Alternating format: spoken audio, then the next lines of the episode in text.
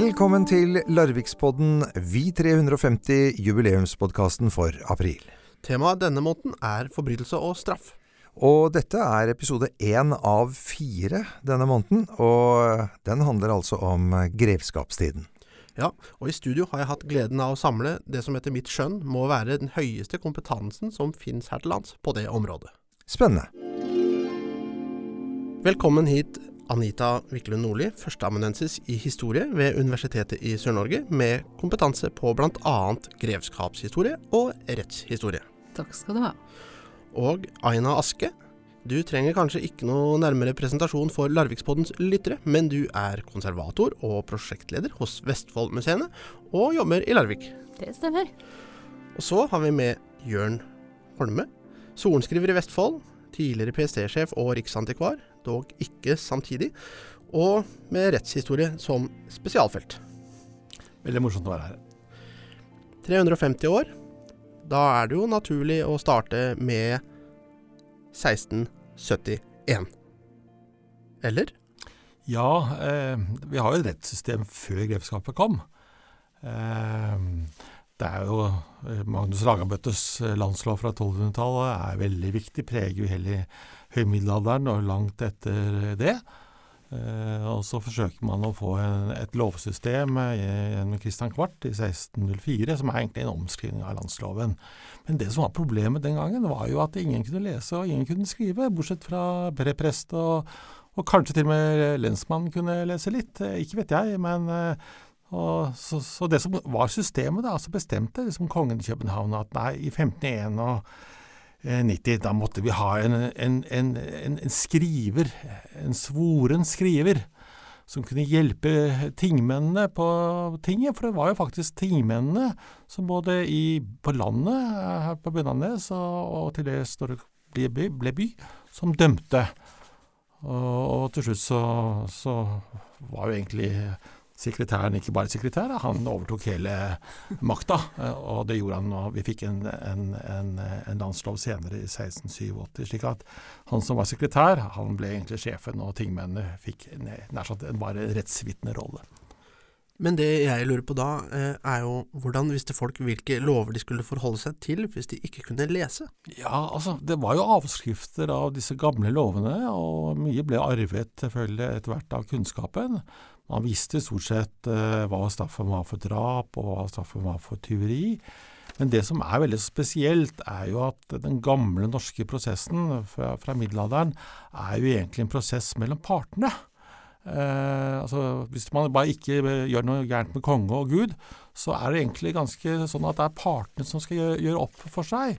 Og, og, og hvis liksom, en tjener eh, gjorde noe feil i forhold til en annen bonde, eh, eller annen bondestjener, så var det liksom bonden eller herremannen som hadde retten på sin side. slik at det var en, mer en partprosess den som, fra den som ble offer, og den som var sjefen til offeret, kanskje storbonden selv, eh, og, og, den som eh, var forbryteren, eller den som var sjefen til forbryteren. Og det ble liksom en del lodd i sølv som måtte ofte betales for det man hadde, hadde gjort. da. Men var det ille i forhold til å krenke religion eller konge, ja, da, da var, hadde vi et helt annet system. Akkurat, men hvordan, eh, hvis vi nærmer oss eh, Larvik og Brunland len, og etter hvert så vokser Larvik fram som et bysamfunn, hvordan er det liksom forholdet mellom by og land på denne tidlige tiden, sånn når vi kommer et stykke ut på 1600-tallet? Ja, det som skjer er jo at vi, eh, vi får altså en, en ordning med, med dommer. Eh, og det som er spesielt for eh, sorenskriveren, er at sorenskriveren ofte fikk en dobbeltrolle. Dvs. Si at sorenskriveren var sorenskriver i Brunla amt. Og, og, som var stort sett dagens uh, Larvik, pluss litt av Sandefjord. Og så forsvant Numedalen og Kongsberg-Sølvberg kom. Men så var også sorenskriveren byfogd. Uh, slik at i Larvik by så, så, hadde han ofte en dobbeltrolle. Han var til og med sjefen til det som var rester av et politi uh, i, i, Larvik. Han kommer gjerne tilbake til, til, til, det. Så det var jo et rettssystem før grevskapet kom i 1671, og, og, og, men det var altså en prosess som var veldig preget av ja, uh, partene. Eh, og, og gjorde man noe galt med, mot konge og øvrighet, og mot Gud og religion, ja, da var det de grusomste straffer. Det kan vi gjerne komme tilbake til, Anita. Ja, det som er spesielt i grevskapet, da, i Larvik grevskap, det er at eh, greven var eneanklager. Det var bare greven som hadde rett til å, å, fremme saker for tinget. Men så ble da den retten som greven hadde, den ble eh, videreført til overinspektøren og til byfogden. Sånn at eh, enhver lekmann kunne ikke fremme en sak for tinget. Måtte gå til byfogden og få byfogden til å, til å fremme saken for tinget. Og så var det jo også sånn at eh, alle som, eh, som opptrådde som sakførere på tinget, var også prokuratorer for greven. Så for, så for, folk flest var det veldig vanskelig å få, få sin stemme til å bli hørt på, på, tinget. Og hva er en prokurator, for ja. oss som ikke kjenner det begrepet? En prokurator, det er en sakfører. Ja. Eller, og, og, til å begynne med så var ikke det mennesker som hadde juridisk utdannelse. Det var kun de som greven valgte, ofte folk som kom fra København, som greven da plasserte i sitt grevskap som pro prokurator. Men sorenskriveren, han var da en, en retts, en viktig rettsinstans før grevskapet, men fortsatte også ja, inn i grevskapet. Men det spesielle er jo da at det er jo greven altså Der vi har to grevskaper, altså Jarlsberg og Lauviken, men også baroniet og noen uh, stamhus på Vestlandet, så er det da dette adelskapet som faktisk utnevner embetsmennene, ikke uh, kongen i København. Slik at det, det, Så greven har full kontroll uh, på mange måter. Men han kunne ikke, liksom, han kunne ikke endre avgjørelsen til, til sorenskriveren, men, men, det er han som valgte sorenskriveren. og og Det er jo nok ganske sånn sett spesielt. Men jeg tror egentlig ikke at prosessene var noe mer urettferdige allikevel. Eh, det, det, det, har ikke jeg noe sånn kjennskap til. sånn sett. Vi har faktisk en god del eksempler på at greven overprøvde eh, dommen i byfog, eller, altså sorenskriverens eller byfogdens dom, fordi han kunne bruke supplikkinstituttet. Altså en supplikk det er et bønneskriv som eh, hvem som helst kunne sende til greven, eller til overinspektøren, eller til sågar kongen. Og noen ganger så hendte det at greven kom folk i møte og viste sin nåde etter at han hadde fått et sånn bønneskriv fra for eksempel eh, noen som hadde fått en veldig høy bot som ikke de kunne betale, så kunne, så kunne greven faktisk sette den ned og gjøre det rimeligere sånn at ikke de endte i total fattigdom, hvilket de gjorde antagelig allikevel, for eh, de fleste hadde jo ikke så veldig mye å betale bøter med i det hele tatt. Eh, det jeg har lurt på er, hva var eh, motivasjonen bak de lovene som, som fantes på den tida? Hvem var de til for? De var jo til for, for å løse tvister mellom partene, og hele rettssystemet, også strafferetten, var preget av at det var Eh, den som var fornærmet, og den fornærmedes herre. Eh, det kunne være greven selv, men det kunne også være en storbonde, selvfølgelig. Eh, var en part, og den anklagede var en part. Kanskje også til og med den anklagedes bonde eller, eller herre. Men, at, men, var det da offentlige interesser inni saken? Typisk var det religion, majestetsfornærmelse, selvfølgelig drap og, og, slike ting, så hadde det offentlige større, større interesser eh, i sakene.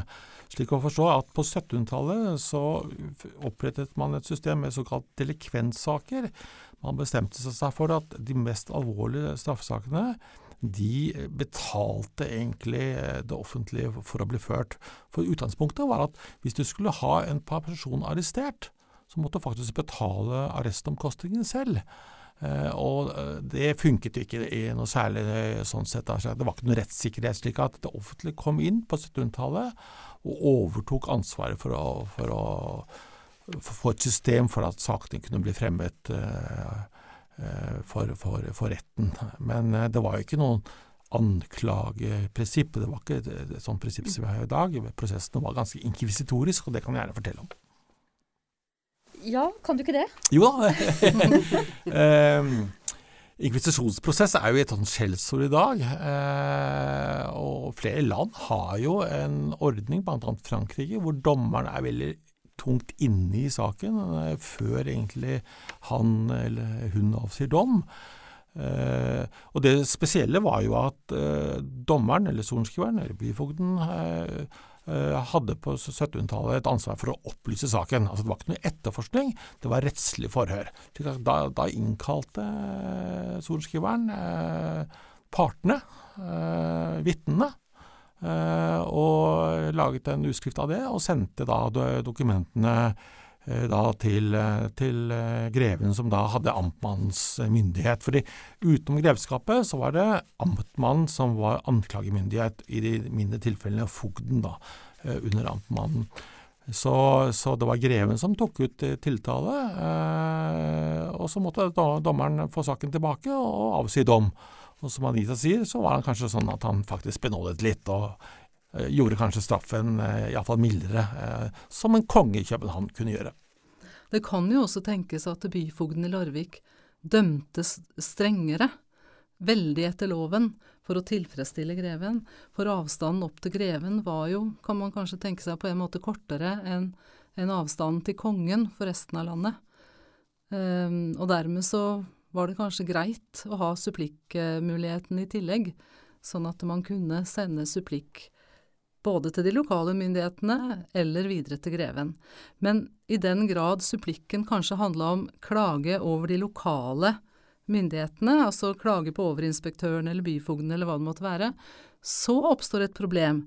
For man kunne ikke, eller man kunne, men, men eh, systemet var ikke sånn at man egentlig skulle da sende supplikken til greven. Den skulle gå via overinspektøren.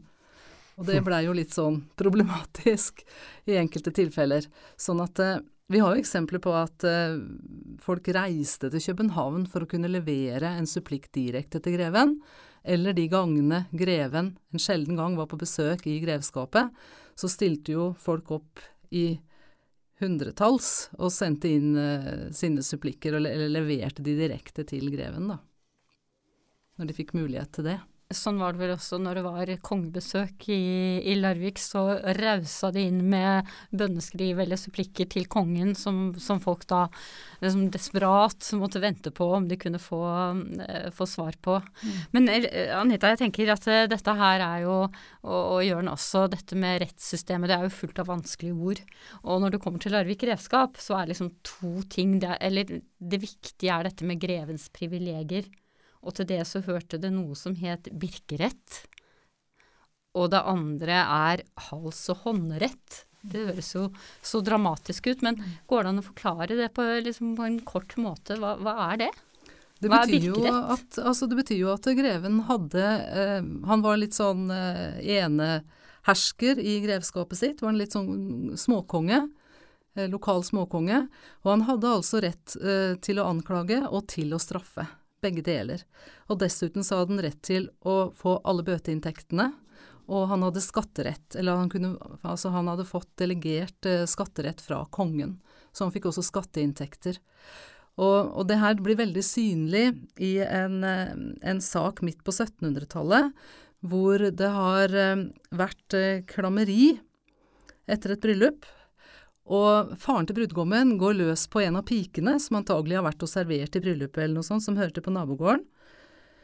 Um, og det ender med at det blir reist uh, sak på tinget.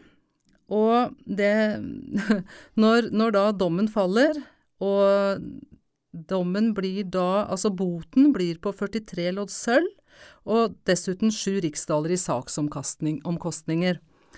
Og så er da faktisk den her jenta som heter Helvig, såpass eh, om seg at hun spør om ikke hun kan få noe av erstatninga, siden hun var et offer her, og at det var henne det gikk utover. Og da er svaret at alt, alt skal gå til greven. Alle tre delene, både den parten som går til saksøkeren, og den som skal gå til den skyldiges hus husbond, og den som skal gå til kongen. Alt dette her tilhører grevens privilegier, så at uh, hele potten går til greven, og det er ingen, ikke noe rom for at uh, den som har lidd skade, får noen erstatning. Det er ikke noe tvil om hvem som er den viktige parten her, Ingen med andre ord. Ja. Ja, Det var jo et veldig godt eksempel på hvordan du, du har jo en, da en overordnet lovgivning, men så har du tolkningen av loven og disse spesielle privilegiene i grevskapet som gjør at folk i generasjoner etterpå husker at her var det noe som ikke var sånn som det var andre steder. Altså Hele poenget med privilegiene for grevens del, det var jo det økonomiske. Det var det han var interessert i. Selv om han selvfølgelig ikke var eh, Altså, han var jo ikke blind for den rollen han hadde som grevskapets nådige far. Mm.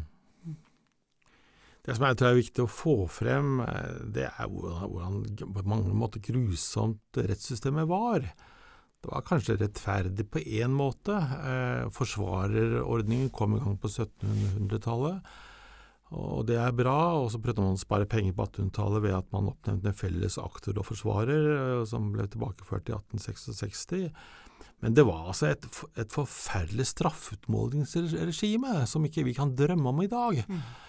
Eh, og liksom, eh, ja, Hvis du eksempelvis ble tatt for banding, så var det å sitte i gapestokken ved kirken. Eh, var det trolldom, så var det bål og brann. Var det gudsbespottelse, så fikk du tungen revet ut før du ble drept.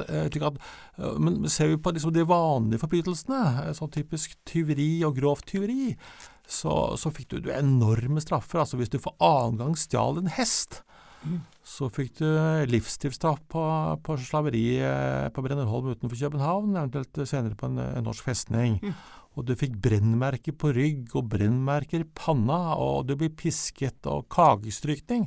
Altså, da blir du festet til en påle kaken, og så blir du pisket huden av. Så det var noen straffer som var formidable og, og, og grusomme. Mm. Og barn ble også straffet, altså, særlig barn over ti år fikk noe mildere straffer, men kunne få alvorlige straffer. slik at det var et et grusomt regime som eh, særlig gjorde at eh, de som var fattige og av nød stjal, de fikk straffer som i dag er helt uforståelige og, inhumane. Og så blir det jo ofte også da presisert i domsavsigelsen at den straffen får de til andres avsky. Det er preventivt, og det var preventivt. Det er veldig få tyverisaker både i Norge og Sverige. Det kan ha med mangelen på føydalsystem, og da kunne man kanskje tenke at det, Eh, skulle være flere tyverisaker da i grevskapet, men det er det ikke. Det er veldig få tyverisaker i Larvik grevskap. Og det er sikkert på grunn av de der grusomme straffene som, som du beskriver. Mm. Um, vi har et eksempel fra, også fra midten av 1700-tallet, hvor uh, ei um, gravid, faktisk, dame fra ute i Kjølling, rett på andre sida av Lågen, fra Grøtting, blir dømt for tyveri og blir dømt til pisking og til å tjene på, på tukthuset på, på, livstid. Og på tukthuset holder hun ut i sju år, før hun da er innført som død i kirkeboka til presten ved, ved tukthuset. Mm. Sånn at eh, det å bli straffa med tukthus, det var også ganske tøft. Altså mm. du, du klarte, klarte deg ikke lenge der. Mm. Nei, og det syns jeg er interessant du sier. Dere sier dette her med at det er et motiv bak disse harde straffene, og det forteller jo om et ganske nådeløst samfunn der man skulle eh, skape, skape redsel og skape frykt, rett og slett. Og når folk da ikke kan lese og skrive, så er det jo eksempelets makt. Kanskje da det er det dere sier, det er det som gjelder, at du ser og hører at dette har skjedd, så blir det så blir det preventivt. Ja, ikke minst også fordi at straffene ofte var offentlige. Altså, ja, avstraffelsene skjedde på torget, eh, typisk pisking. Eh, og henrettelsene var jo selvfølgelig offentlige, slik at eh, skrekken i forhold til å kunne få en sånn straff, den, den satt jo i befolkningen. Og slik at eh, Det er jo grunnen til at det, det, var relativt få saker. At liksom, at du kan si, I dag så har vi jo liksom eh, tyvetalls dommere i hele Vestfold, men den gangen så, så holdt det nok med sorenskriveren for søndre del av dagens. Vestfold. og eh, og så, og så, hadde jo sorenskriveren mange andre, andre, oppgaver i tillegg. slik at det, det store antall straffesaker som vi ser i dag, eh, det hadde vi ikke. Vi hadde ikke promillekjøring og, og den, den type saker.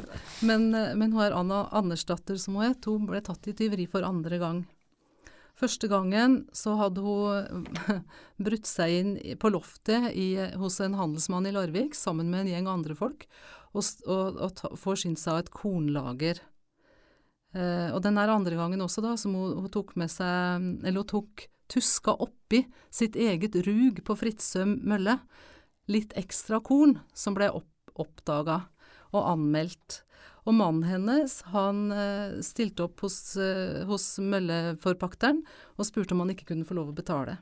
Han kom med seks riksdaler, og det er ganske mange penger. Da kunne du kjøpe tre kuer for seks riksdaler, ikke sant. Det, men det var ikke mulig. Fikk, hun ble stevna for tinget, og i dommen, eller før dommen, så blir det også spurt om ikke man kan ta hensyn til at folk er fattige. Og svaret er at nei, det står det ingenting om i dommen. Vi må følge, eller i, i loven, mener jeg, vi må følge loven. Og, og dømme etter loven. Og nå snakker vi Kristian 5.s lov, Mm. ikke sant, som da kommer akkurat i, på, i 1687. Mm. Eh, og, og som da kommer midt i starten, liksom oppstarten, da, da det virkelige grevskapet begynner å feste seg eh, i Vestfold, så får du Kristian 5.s lov. Og jeg leste gjennom overskriften i går, Mm. eh, og da forstår du at dette er et eh, barskt samfunn. Mm. Og det varer ganske lenge. altså Det er først når vi får kriminalloven i 1842, og vi får sånn fengselsreformen og liksom eh, ja, liksom de mer humane forbedelsestankeranstaltene, at det blir annerledes. eh, Men, men straffene fra kriminalloven i 1842 er også dramatiske, med fem typer slaverier, blant annet. Eh, Og, og, og veldig strenge straffer. Altså, det kan nesten minne litt om dagens USA. Altså, hvor strenge straffer du får for andre- og tredjegangs typisk for, for tyverier. Det er nesten som det var på 1800-tallet i, i Norge, faktisk. Kunne det være sånn da at i den grad folk oppførte seg som eh, mennesker den gangen også, som jeg går ut fra de gjorde, at man kvia seg for å anmelde forbrytelser også, fordi man tenkte at straffen var eh, ville være veldig hard?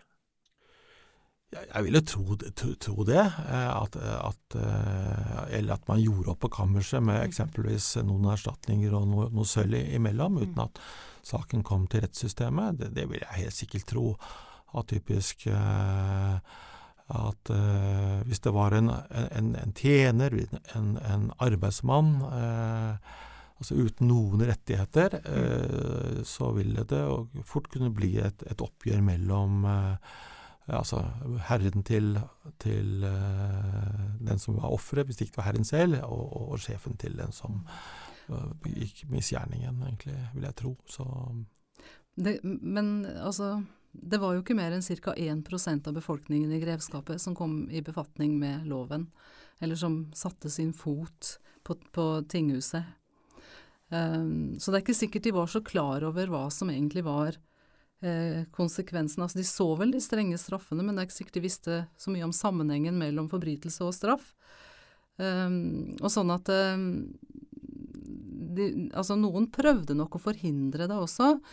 Altså at, eh, at det ble ført for retten. For eh, sånn som i den saken eh, eh, med Anne Andersdatter som, som forsynte seg av en annen sekk med korn, så viser det seg det at eh, hun som eide den sekken, hun prøvde å stoppe det, og sa at ja, men jeg forlater henne. Vær så snill, ikke, ikke anmeld dette her. Mm. Men så var det møllesvennen da, som av en eller annen grunn allerede hadde vært hos byfogden. I en eller annen slags iver kanskje for å, for å få anerkjennelse for det, jeg vet ikke. Mm. Sånn at uh, det hjalp ikke hva hun sa, hun som eide kornet som var Nei. blitt tatt. Men så har vi jo også sånne eh, saker som for oss i dag er jo ubegripelige, som dette med leiermål. eh, Altså straffen for å ha seg med noen utenfor ekteskapet, og ikke minst hvis det er en annens kone eller en annens mann. Og dette med også å føde barn i dølgsmål.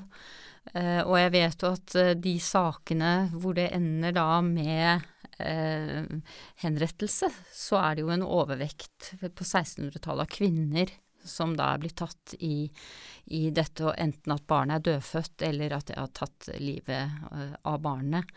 Og det er jo for oss helt inhumant i, i, i dag, men hva tenkte man? Hvorfor, hvorfor var det sånn? Altså på, på begynnelsen av 1700-tallet i, i grevskapet i Larvik så var 60% av alle henrettelser det var kvinner som hadde født i dølgsmål. Mm. Som hadde født et dødfødt barn, eh, kanskje, eller tatt livet av barnet sitt fordi hun hadde vært gravid i hemmelighet. Ehm, man kan jo lure på hvorfor det var sånn. Eh, det er klart eh, det var en, et veldig ønske om å regulere samfunnet og, og holde kontroll. Og det var et fattigdomsproblem, ikke sant. Sånn at eh, vi har jo da eksempler på kvinner som ikke tok livet av barnet sitt, og som ikke hadde noe barnefar. Hvis barnefaren f.eks. var soldat, så slapp han ganske billig unna. Og så finner man da opptegnelser seinere i kildene at eh, vi har prøvd å kreve inn den her boten for leiemål, men vi fant Maren Andersdatter gående på Trollesletta i Larvik og, med barnet sitt eh, og, og tigde av folk. Sånn at eh, det var kanskje ikke så rart at noen tenkte at de kunne komme unna med å ikke vise noen at de var gravide, og så Mhm. ordne det på en annen måte. Når du sier soldat, så, Anita, så tenker jeg litt, på det spesielle også som man hadde her ute på Brunlandnes, nemlig Fredriksvern eh, verft, eh, som er altså eh, den dansk-norske marines hovedkvarter i Norge fra 1850-årene til det ble flyttet til Horten til altså det er 1750 til 1850-årene, eh, 1850. Og der ute i, i, i dagens Stavern så var det altså en, en militær jurisdiksjon. Slik at da var det egne anklagere, eh, auditører kaltes de, det er egne domstoler, krigsretter, og det var et eget system. Og veldig mange av det som vi, vi ville kalt for vanlige forbrytelser, det ble behandlet i et lukket militært system. Også spesielt for dagens Larvik. Veldig artig at du sier det, fordi at en av de som var sammen med Anne Andersdatter og, og Knabba Korn på, på Lofthosen handelsborger i Larvik, var en soldat. Mm. Så han eh, vet, førte vi ikke mer om ved behandlinga på, tinget- på bytinget i Larvik, for han var sendt til Stavern for å få sin sak behandla der. Mm. Jeg har også en per periode vært generaladvokat, faktisk, eller generalauditør som det het. Sjef for det militære anklagevesen, så jeg måtte liksom ha med det òg. Ja, det er klart. Og det var jo et, eh, et eget samfunn eh, et eget samfunn der ute med egne rettsprotokoller og som, som man kan eh, studere. Mm. Det jeg liksom lurer litt på, sånn, litt sånn hvor, hvor var det ting skjedde? Vi vet jo at eh, bøndene måtte holde tingstue på omgang. Da det var tre ting i, i året. Men, og så kom det ofte som i straffesaker at man da måtte ha ekstra ting. Eh, men i, i Larvik, hvilke bygninger eh, kjenner vi til som har sammenheng med, med rettssystemet? Altså det, eh, altså, vi har altså en råstuerett, altså hvor byfogden er dommer. Hvilken bygning var det? Det vet jeg lite om. Jeg vet at vi hadde et fengsel som vi kalt Stutteriet fra 1792 i Storgata 50, som både var sykehus og, feng og, og fengsel. Eh, så senere en periode ordførerbolig, faktisk. Men, men liksom, eh, men liksom eh, Kan ikke dere fortelle meg litt eh, Her i byen, har vi noen rester av noe eh, Av noe eh, bygninger hvor vi vet eh, rett ble satt? Anita, det tror jeg du kan svare på. Ja, altså eh, når det gjelder byfogden Altså, det ble jo satt i stua hos, hos byfogden. Mm. Um, og det var Og, og på, um, på Jernverket så var det i stua hos forvalteren, jernverksforvalteren. Mm. Og det var ganske problematisk, fordi folk skjønte ikke forskjell på hva som var hva skal jeg si, offentlig rett, og hva som var bare sånn eh, avtaler man gjorde. For det, var jo, det skjedde i samme rommet, ikke sant, eh, de samme omgivelsene. Så det var ganske forvirrende for, eh, for de som eh, Altså for arbeiderne ved verket, da. Men eh, akkurat hvor, hvor, hvor var byfogdens eh, hus, Aina? Ja, nei, byfogden flytta jo, litt, eh, flytta jo litt rundt på seg. Og det er jo også en av de spesielle tingene med Larvik, at vi ikke har et rådhus. Fordi det var grevens praksis at dette foregikk da i hans tjenestemenns hjem. Men stort sett så hadde byfogden i Larvik huset sitt i Tollråden-området. eh, egentlig fra en liten stund bort på Storgata, nesten helt borte ved slutteriet, men stort sett i området eh, Skottebygga, Tollerodden. Det ble sammen Og det ligger jo i nærheten av herregården, ikke sant. Sånn at det ble jo et slags sånn maktfelt. Eh, det nye, det overtok liksom som maktområde fra Langestrand eller fra eh, området Bakken, da. Men jeg ble litt nysgjerrig, for du skilte mellom eh, byfogden og, og så sier du men på Jernverket. Altså, hva, Var det to forskjellige institusjoner, og hva Etter hvert så var det det. Men jeg tror at det var veldig mye hva skal jeg si, samrøre mellom det eh, saker som var oppe på Bytinget, og saker som var oppe på Langestrandstinget, som vi hadde i forbindelse med Jernverket. Mm. Eh, og det var jo den samme fogden, det var byfogden, som, eh, som administrerte tinget både på Jernverket og for Larvik by. Og det var også samme person som var sorenskriver altså i landdistriktene også. Mm. Og jeg kan kanskje, kanskje, legge til der, da, fordi at uh, du får jo også en del saker som bare ble ført for byfogden, altså de enkle sakene, som også viser hvordan Larvik var spesielt. Uh, og jeg husker spesielt da et uh, tyveri, som var Jan Svenske, som var på pæreslang i Grevens hage. Mm. Han, eh, det er jo en spesiell sak. Han eh, finner vi også som en arbeider for greven, men han skulle da inn i hagen og eh, finne tommestokken sin.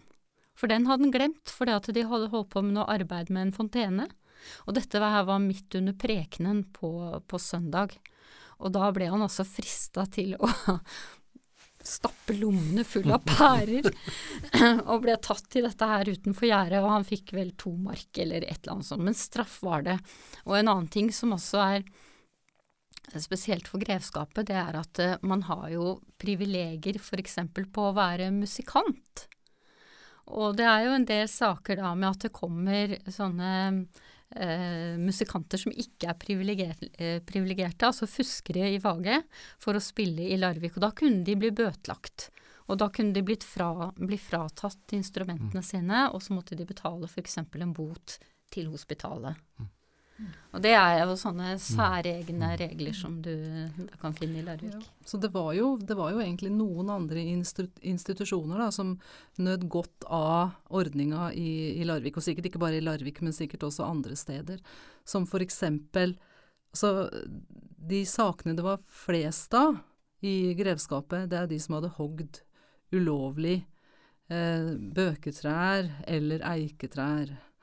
Og da fikk de høye bøter. Altså det var 100 riksdaler for én stamme. Um, og du kan tenke deg hvor dyrt det var når uh, du kunne kjøpe et hus på Langestrand for 50 riksdaler. Så det var en bot tilsvarende to hus. Uh, og for andre gang så var det da 200 riksdaler per stamme. Men veldig ofte så ser vi da at ved bruk av supplikkeinstituttet, at de sendte bønneskriv til greven, så fikk de redusert denne boten.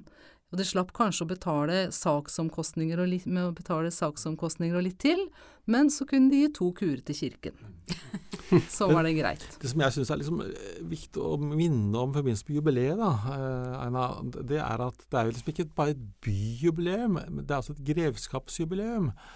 Eh, og grevskapet, som jeg sa, det omfattet dagens faktisk eh, Larvik kommune i stor grad. Litt eh, i enden av eh, dagens Sandefjord. Men det hadde også Tjøme. Og liksom, det har virkelig liksom larvinger tenkt hadde gitt fra seg Tjøme. De hadde jo Tjøme helt til 1850-årene. Nå tenker jeg på ulovlig bygging i strandsonen. Hva ville greven ment om det? Det har man jo kanskje gjort i, på Tjøme, men også her selvfølgelig i Larvik.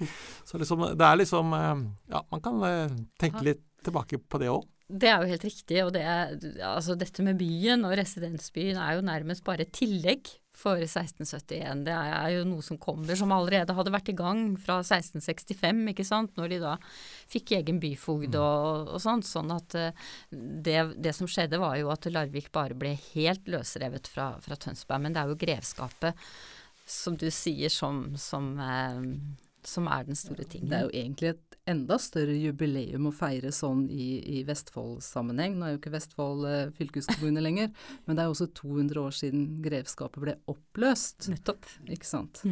Det er vel kanskje mer å feire Ja, det er for kanskje oss det. eh, innbyggere. Men eh, hospitalet ble nevnt eh, i forbindelse med bøter. Eh, og det var jo et eh, fattig hus, eh, hvis jeg har forstått det riktig. Og det viser jo en eh, human side av, av, av, av bøtelegginga. Ja, du kan si det som kommer inn, det vet jo Anita så mye om, men det er jo den pietistiske eh, kristendommen med dette med oppofrelse, og du skal se de neste. Og det er jo, kan du si, starten på en annen holdning til medmennesker som forsterker seg da utover 1700-tallet med opplysningstid, og et annet syn på både barn og mennesker, da. Mm.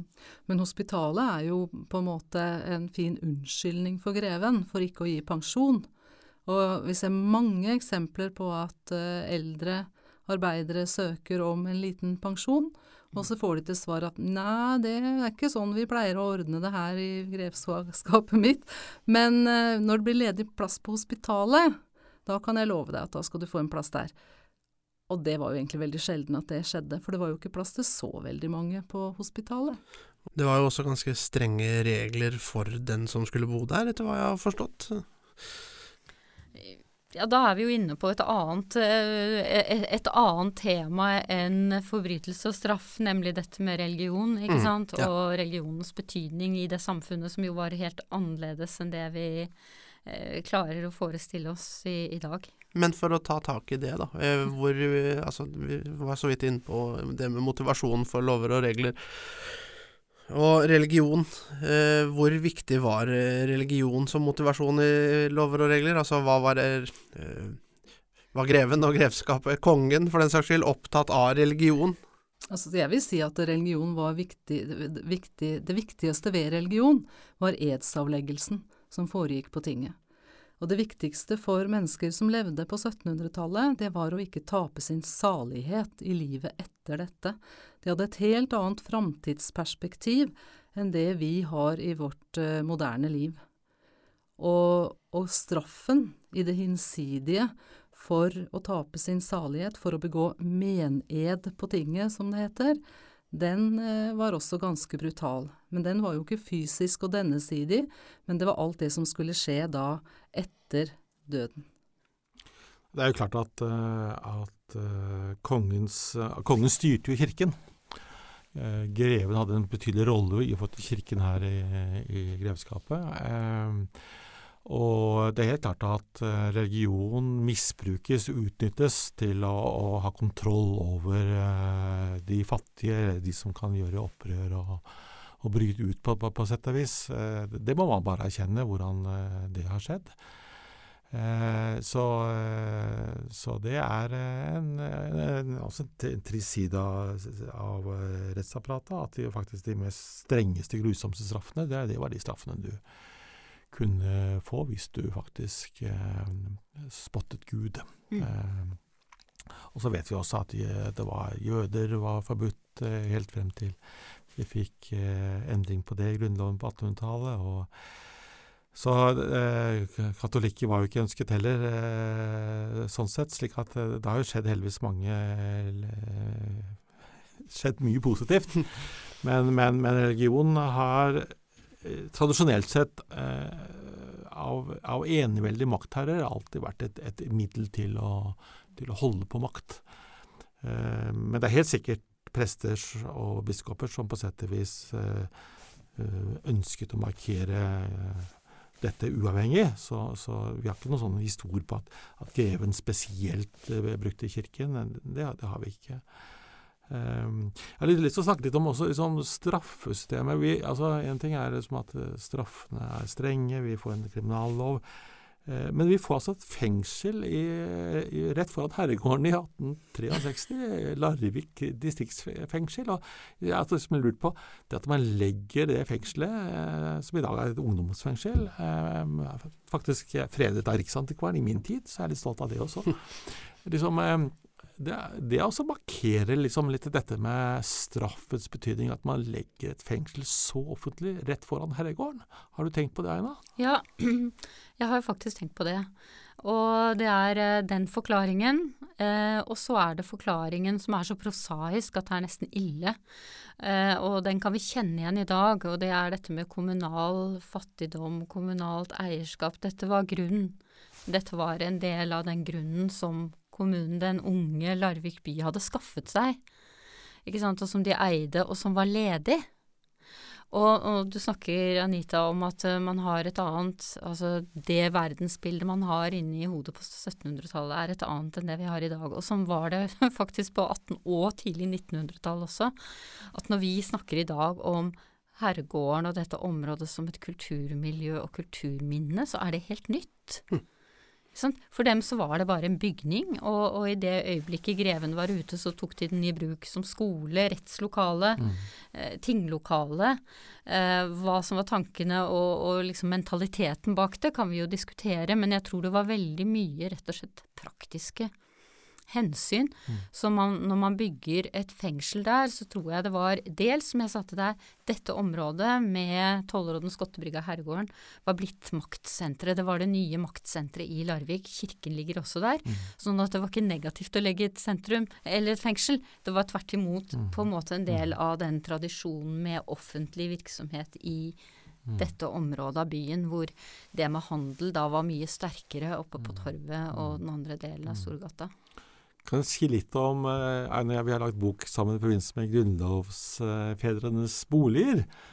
Og som dere vet, det er jo ingen i dag, som i dagens by Larvik som setter så mange til Eidsvoll som eh, Larvik. Det var jo fire, fem, seks i Bergen med det militære, og så var det vel ti, elleve, tolv her i Larvik. Eh, og, men sorenskriverens betydning, byfogdens betydning i 1814 altså Av 112 eidsvollmenn så var det 15 som var sorenskriver eller byfogder. Og Karl eh, Adolf Dirix eh, var den, en av de mest fremtredende, tilhørte Selvstendighetspartiet. Altså Christian Magnus Falst kjenner til, han var jo Grunnlovens far, også sorenskriver mm. i Akershus på Ås. Så, så liksom eh, så eh, sorenskriveren og embetsmennenes rolle i, i, forhold til en ny tid i, altså De var jo utdannet i København. Eh, disse. Og på slutten av 1700-tallet, eh, så eh, i Det Norske Selskap, da var det både drikkeviser og dikt, men det var også liksom oppildende, nesten revolusjonære taler i forhold til de nye, de nye ideer, og, og, hvordan liksom opplysningstiden kom hjem til Norge med embetsmennene, de norske embetsmennene, som var viktige for å danne faktisk en, en egen grunnlov. Jeg har lyst til å ha med det også. Ja, Ikke minst med Dirix. Ja, det er interessant. Kan jeg bare få føye til litt der med Dirix, for det, han var jo kavdansk, men, eh, mm. men eh, han var da en av de viktige eidsvollsmennene, og han kunne jo liksom Europas lovgivning og frihetserklæringer utenat. Han hadde, så jo ikke, han var jo nesten blind, men han hadde jo et fotografisk minne. Og, og sånn i tråd med det du sier om fengselet, så var han da altså den første som tok i bruk herregården eh, som rådstue. Og det gjorde han allerede da i 1813-1814. Men det som også er litt morsomt med de her uh, fedrene på Eids, Eidsvoll, altså 1814, det var jo da en Fabricius' sønn som, er, som, mm. står bak enig og tro til ja. Dovre faller. Ja, ja, og jeg tenker at edens betydning i Larvik-samfunnet, altså det der med å avlegge ed til greven og i det hele tatt, det er også røtter tilbake uh, i, i, det skjæringspunktet da i 1814 hvor man får også nye tanker, ikke sant. Det var Fabricius, det er kommandanten ja, ja. På, uh, ute i Stavern, ja. som uh, fikk alle til å lage broderlenke utenfor Eidsvollbygningen siste, siste dagen. Det er også morsomt å tenke på. Vi må nesten begynne å gå litt inn for landing her nå. Eh, men det jeg lurer på helt til slutt Vi har snakka litt om ganske bestialske straffer. Når kan vi si at man Altså, det å rive tunger ut og, og, og stemple folk, ta livet av folk Når slutta vi med med den slags straffer? Vi sluttet med det før kriminalloven kom. Det ble en del endringer. Alt eh, dette forsvant eh, med kriminalloven. Dødsstraffen den varte eh, eh, den var der helt ut på slutten av 1800-tallet i lovgivningen. Nå husker ikke jeg siste avrettelse når det var i, i Larvik, Anita. Nei, det vet jeg ikke. Eh, Men de grusomme straffene forsvant. Men, men straffene var jo, før vi fikk en ny straffelov i 1902, men de humane ideene var jo grusomme. Altså det var, eh, eh, som jeg sa, nesten dagens USA. altså Livstidsstraff for tredje-fjerde gangs tyveri eh, helt frem til 19, 1902. Men det begynte allerede i første halvdel av 1700-tallet. Ja. Med, med mange uh, nye ordninger innen eh, rettsvesenet. Bl- Blant annet krav om juridisk eksamen til de som skulle befatte seg med eh, ja, f.eks. skulle være enten prokurator eller sorenskriver, eller kom, kom det mye strengere krav til rettsbetjentene. Og det kom også en lov om anke, altså alle dødsstraffer skulle ankes til kongen før de kunne utføres. Tusen hjertelig takk for at dere kom. Du har hørt en samtale mellom Anita Wiklund Nordli, førsteamanuensis i historie ved Universitetet i Sør-Norge, Jørn Holme, sorenskriver i Vestfold, Aina Aske, konservator og prosjektleder hos Vestfoldmuseene, og Larviksboddens egen Kjetil Wold. Følg oss gjerne på Facebook, Larvikspodden, Ropert eller Vi350. Du finner også Larvikspodden på Spotify og der du laster med podkast. Ansvarlig for podkasten er Foreningen Ropert, produsent Virvel AS. Oppfør deg som folk.